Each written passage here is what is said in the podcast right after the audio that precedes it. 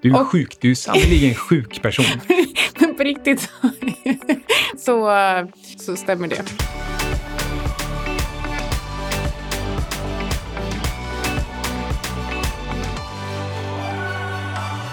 Det är kallt hos dig.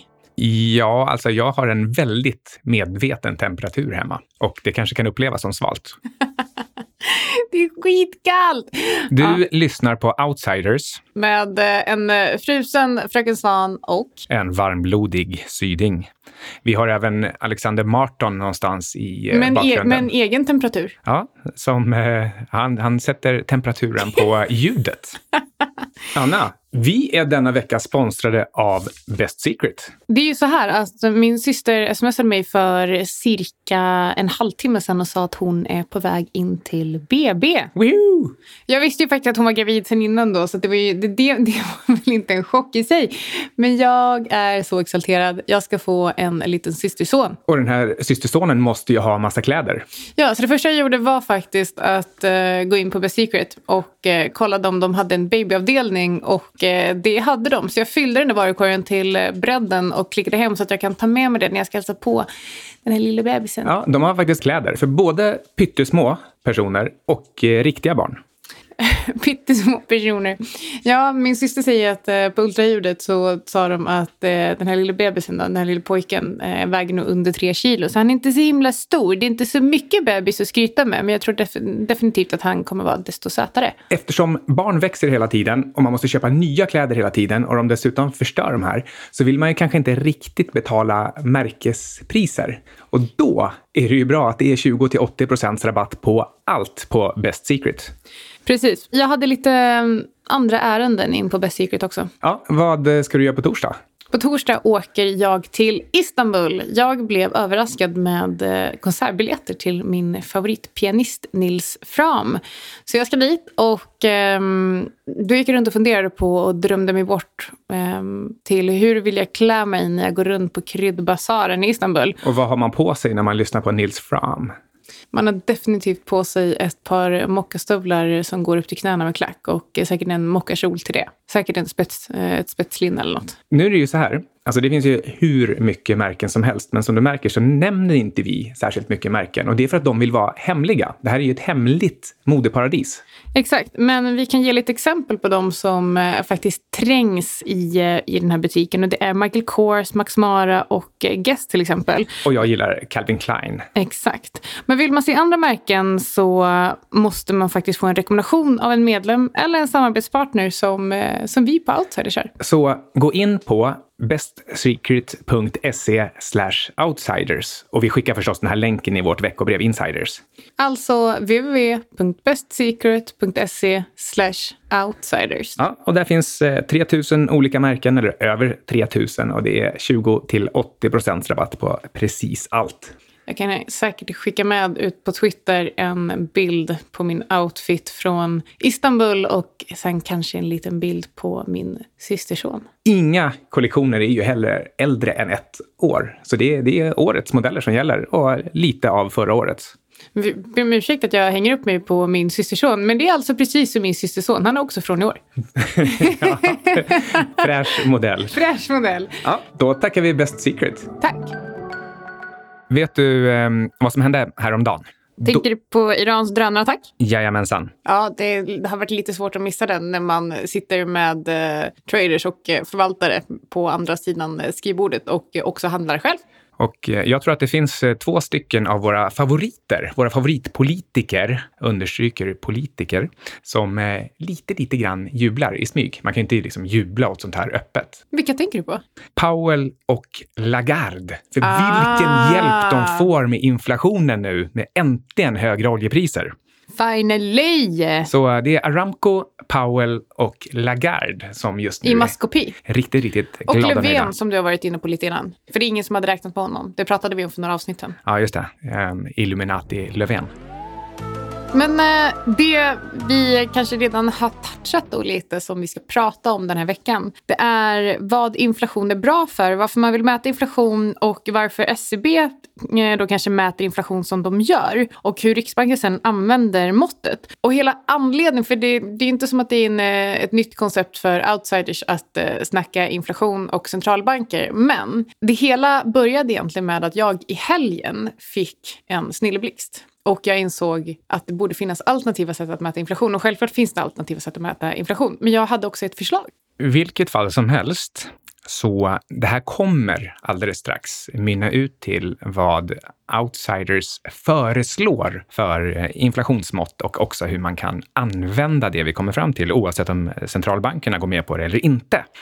Men eh, en annan sak som slog mig alldeles, alldeles nyligen, det var varför ingår inte guld i inflationskorgen? Jo, jag vet inte. Och det var ju det som du och jag diskuterade i helgen också. För att guld kallas ju alltså för den inflationssäkra tillgången. Alltså om någonting har ett fixt värde, då Så är det ju det guld. guld. Ja, Ja. Det är det enda som verkligen, verkligen är fixt. Det kan inte förändras. Det, det har en väldigt, väldigt eh, liten flow to stock. Men varför är inte guld det enda vi mäter inflation på? Ja, ehm, Av flera jo, anledningar. Jo, men det finns jättemånga anledningar. Ja, vi kommer till För dem det- faktiskt. Fakt- Men okej, huvudtemat idag, det är inflation. Vi kommer eh, prata om hur begreppet definieras, hur det mäts, alternativa mått och som sagt då varför man egentligen vill mäta inflation.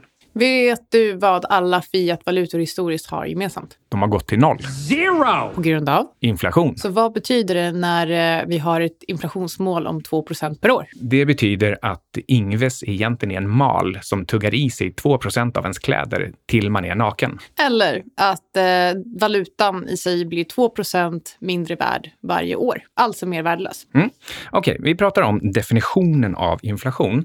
Och eh, många tror ju någonstans att, det är en, att eh, definitionen av inflation är att priserna höjs. Men den egentliga definitionen av inflation, definition av inflation, det låter lite så. Det är ökning av penningmängden och den här leder i sin tur till eh, att... Att en eh, korg på diverse nödvändiga varor stiger i pris. Exakt, men det är en artificiell prisstigning. Så egentligen så försöker man mäta vad ökad penningmängd ger för effekt på löner och hur lönerna sen påverkar priserna på den här korgen som man ändå alltid måste köpa. Eh, En, en sak som är lite märklig dock, det är att man utesluter så mycket viktiga saker ur korgen. Ja, och hur man egentligen väljer vilka saker som ska med från början. Och det här vet vi att Pippa Malmgren har varit inne ganska mycket på också.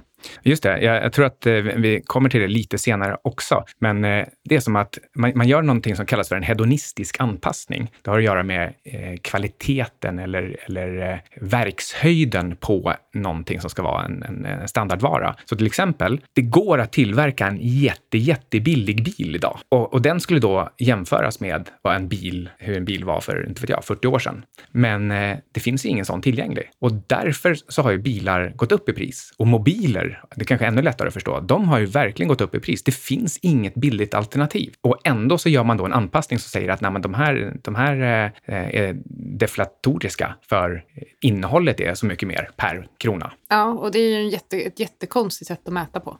Sen finns en annan inflation eh, och den här är ju kanske mer central för en aktieägare. Det anslår också lite grann till vad det egentligen är myndigheterna vill med inflation. För när man håller på med bolagsanalys, då vill man separera pris och volym. Det vill säga hur många kullager tillverkar SKF och hur mycket kan de höja priset på de här kullagren? Och eh, man kan också titta på ICA. Eh, om de eh, säljer 2% fler liter mjölk till 2% högre pris eller 0% fler liter mjölk till 4% högre pris. Ja, och så kan det då kompliceras av, tänk om det är att det är ekologisk mjölk som är dyrare. Det blir en eh, rejäl soppare här. Och eh, det är ganska svårt att veta vad man ska göra. Så tycker du att vi redan nu ska egentligen gå in på vårt förslag? För att de som lyssnar på oss vet redan, jag tror att de flesta faktiskt förstår och eh, känner till vad inflation är och problematiken kring det. Mm. Så det jag sa till eh, Micke och jag, fick, jag hade en inflation rant med mina vänner i helgen. De tycker att jag är jätterolig och superfestlig. Men det slog mig att varför gör det, gö- göra saker och ting mer komplicerat? Varför inte gå tillbaka på råvarunivå och plocka upp en råvarukorg och eh, med den faktiskt mäta den faktiska historiska inflationen? Ja, varför inte? Ja, you tell me.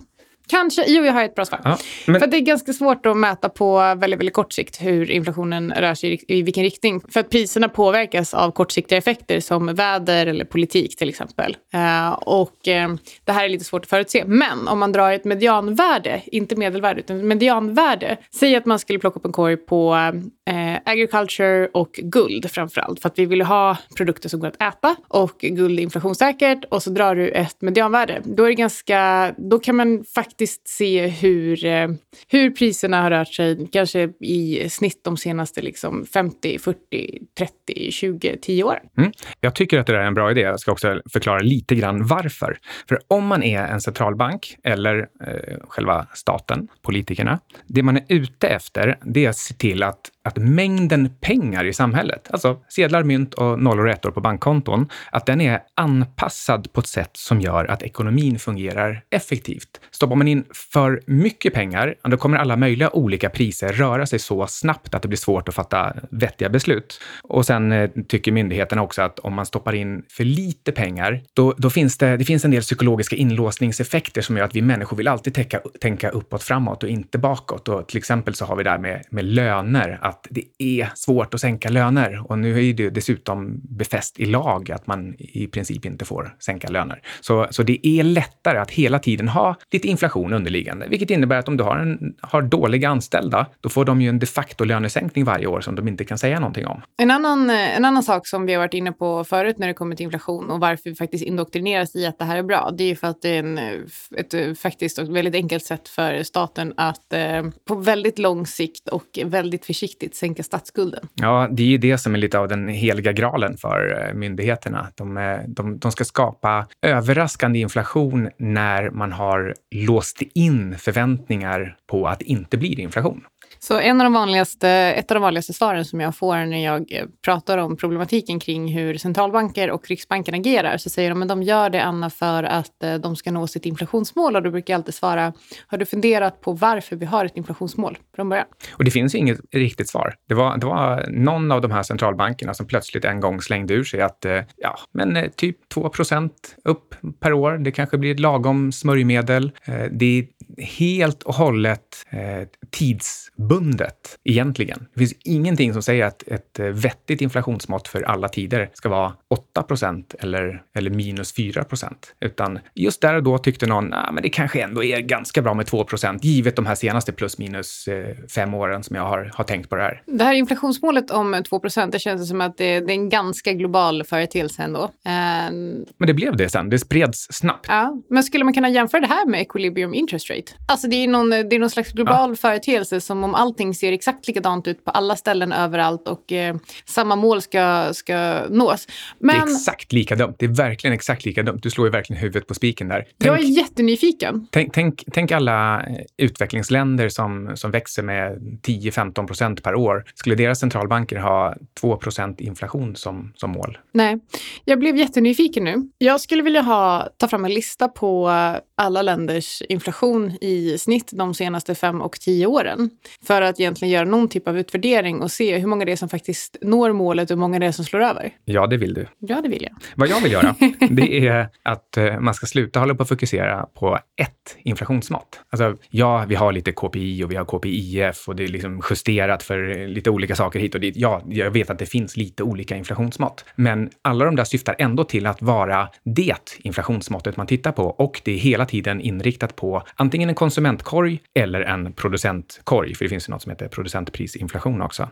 Men vad jag skulle vilja se, det är att man alltid presenterade det här som, eh, eh, som ett intervall, som ett, ett slags Bollinger-band, där du ser inflationen för guld, alltså pri, eh, det här med definitioner igen då, då, men nu pratar vi prisutvecklingen. Så prisutvecklingen för, för guld, för bostäder, för mat, för jordbruksråvaror eh, och även för penningmängden ska också finnas där som en, som en linje så att man hela tiden kan se eh, vilken del av ekonomin har vilken inflation och eh, inte minst också se vad är det för växelverkan mellan de här. Det är ju inte meningen eh, förstås att, att eh, alla invånare i Sverige ska ha koll på 27 olika inflationsmått. Men de som faktiskt tittar på det och fattar beslut, de skulle må bra av att ha hela det här intervallet vid varje enskilt tillfälle. Och, eh, och det kanske de i någon mån har, men det jag tror, att, det jag tror verkligen saknas det är att man aktivt tittar på växelverkan mellan de olika inflationsmåtten. För det, det är så att ibland då, eh,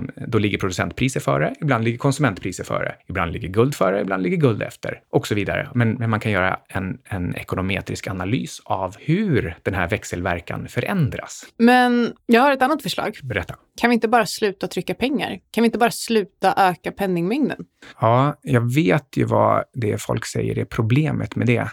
Jag tycker inte att det är något problem, men vad som händer då är att om vi redan har massa skulder i samhället, då, eh, då kommer man, eftersom man tillverkar fler varor och fler tjänster, så kommer en mindre penningmängd leda till lägre priser. Så att vi kommer alltså få ett tillstånd av generellt sett fallande priser. Och det tycker du och jag är bra. Det betyder att produkter blir billigare, vilket innebär att man handlar mer.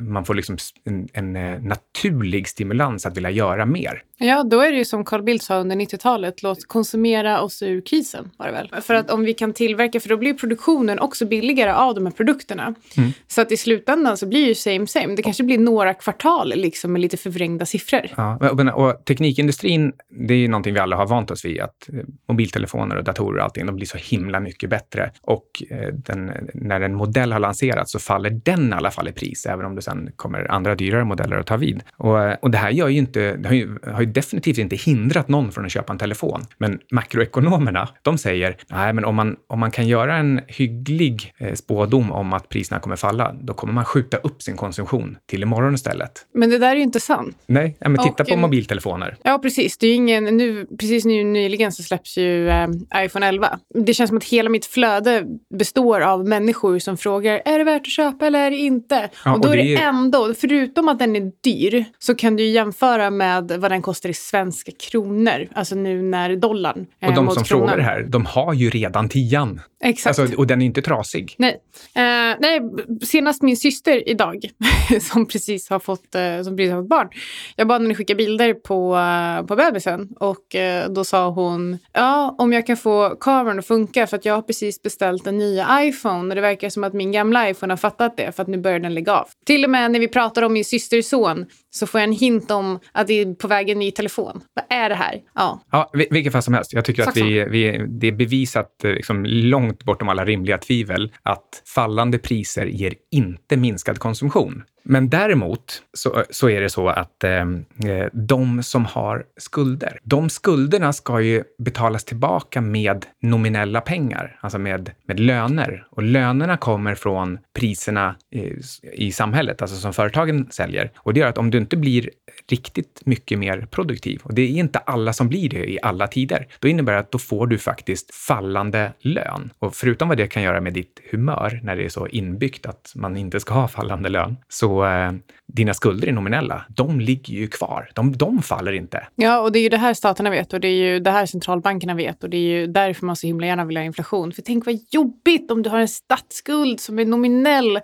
och så ser vi deflation. Och förr i tiden så var inte det här ett problem. Eh, man, eh, man lät cyklerna komma och gå. Det fanns inte mer skulder än att eh, ja, de som var slarviga och oförsiktiga, de rensades ut. Men nu är det inbyggt så att precis hela systemet, privatpersoner, företag, stater, de har så mycket skuld att om du låter det här börja ticka lite bakåt, ja, då blir det inte bara en liten, liten utrensning av eh, torrt gräs som man tänder eld på, utan då, då brinner alltihop ner. Då måste man ha ett helt nytt ekonomiskt system. Så, så nu så är det så instabilt att, att man faktiskt inte kan ha deflation. Nej, och eh, ju mer vi väntar desto sämre läge kommer det att bli. Men nu har ju Japan kommit på att deflation faktiskt är bra. Ja, oh, vad har de sagt? Vad har du sett? Nej, men det var ju ganska länge sedan. Eh, alltså väldigt, väldigt länge sedan som eh, Japan efter att ha försökt stimulera igång eh, sin, eh, sin ekonomi eller försökt nå ett inflationsmål har kommit fram till att nej, men deflation är faktiskt bättre.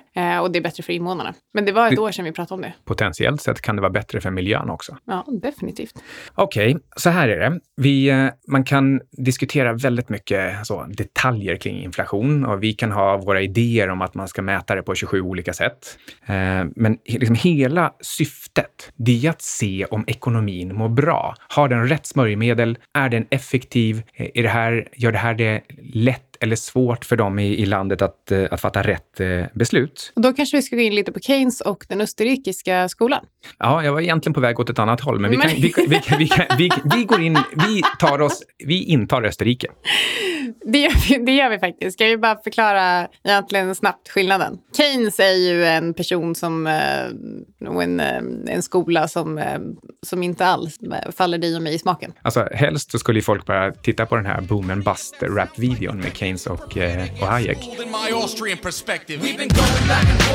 Det är liksom två av de kändaste förespråkarna för de här två olika skolorna. Och Keynes, han säger att det här handlar om någonting som kallas för aggregate demand, det vill säga vad är den totala efterfrågan i ekonomin egentligen? Och om, eh, om staten trycker på och, eh, och konsumerar, den kan, eh, den kan gräva hål i marken och fylla igen dem igen. Det spelar ingen roll vad de gör. Det han förespråkar är, vad kan man kalla det? Fiskal, fiskala stimulanser. Ja, liksom att stat, staten går in och liksom kickar igång, sätter fart på alltihop genom att helt enkelt bara konsumera precis vad som helst. Och då kommer det, då kommer det um, liksom förmögenhet i, i omlopp. För deras spendering, den hamnar ju på någons konto. Så spenderar de och så fortsätter det sådär. Det Men Keynes tyckte väl att det här var framförallt bra för Tyskland under liksom extremt ja, svåra eller, omständigheter? Ja, eller egentligen så började han i USAs ja. depression. Ja, men, och, ja, men exakt. Och, men exakt. Och, och, och, det, det är ju sant. Jo, alltså, men, men, och då fungerar det ju. Men det är väldigt, väldigt konstigt att vi under dagens förutsättningar tar med oss den här skolan och förväntar oss att verkligheten ska fungera på samma sätt nu som det gjorde under depressionen. Ja, om, om han levde nu och så såg han att USA hade Jag haft... tror att Keynes hade vridit sig i graven. Ja, för att han var inte dum.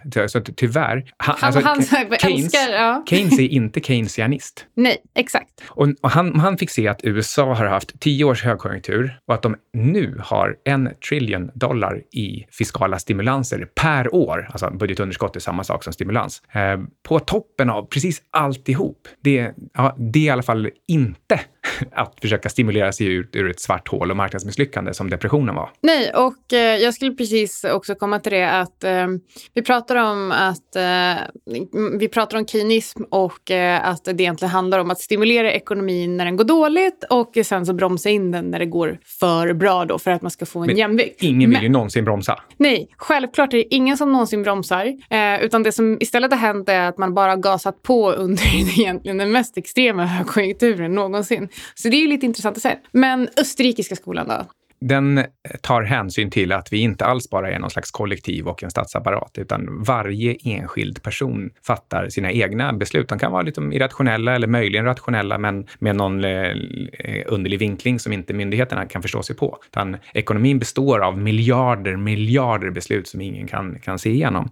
Och, och därför är det bäst att bara låta den vara. Och inte minst betyder det att när man kommer in i en svagare period, låt de svaga dö.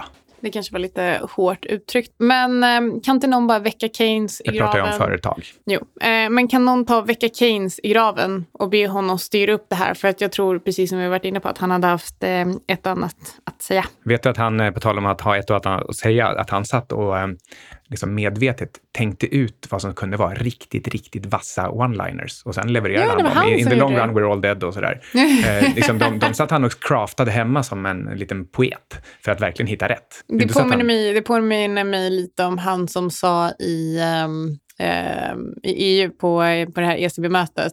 Who are you? you have an appearance of damp rag. Who voted for you? you have the charisma of a damp rag and the appearance of a low-grade bank clerk.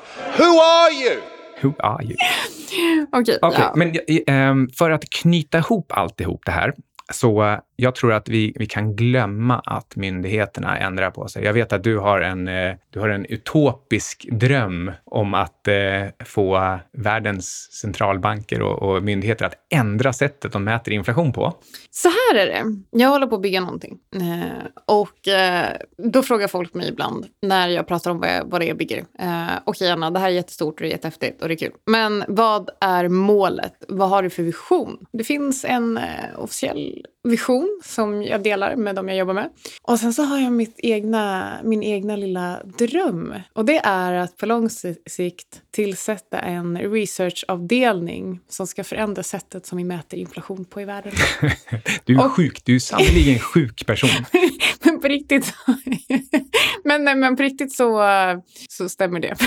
Ja, nu, nu, nu, är inte jag li, riktigt lika mycket idealist som du, men jag kan se ett mellansteg här där man faktiskt kan ut, liksom, sammanfoga men, ja, våra visioner. Ja, för, för det jag ska bygga, vi ska inte prata så mycket om det, vad det är jag jobbar med nej. just nu, för vi kommer göra det lite senare. Men det finns ett användningsområde för mig och, och för firman och för många, många andra. Och det är framförallt för att kunna ligga steget före marknaden eh, på ett sätt som jag inte tror att vi gjort förut. Plus att det är jättespännande. Fatta vad häftigt. Mm. Fatta vad häftigt att ha riktiga inflationssiffror. Mm. Och, Alla, eh, och, det är allas dröm. Om, och det här gör att om man har riktiga inflationssiffror, då ligger man steget före som du säger. Och det innebär att då kan vi också modellera hur vi tror att myndigheterna kommer fatta sina beslut. Vilket innebär att vi sitter inte där på Fed-mötena eller inför Fed-mötena och, och, undrar. Och vi behöver inte undra hur de kommer göra hela nästa år. För vi har redan facit. Man ser det lite som, okej okay, nu tänker jag jättestor så folk får tycka att jag är självgod eller vad det är folk tycker. Men eh, Dr. Eh, Hussman har ju eh, en fantastisk researchavdelning. Det har ju Bridgewater också. Det är något sånt, jag vill, jag vill ha något liknande fast med fokus på penningpolitik.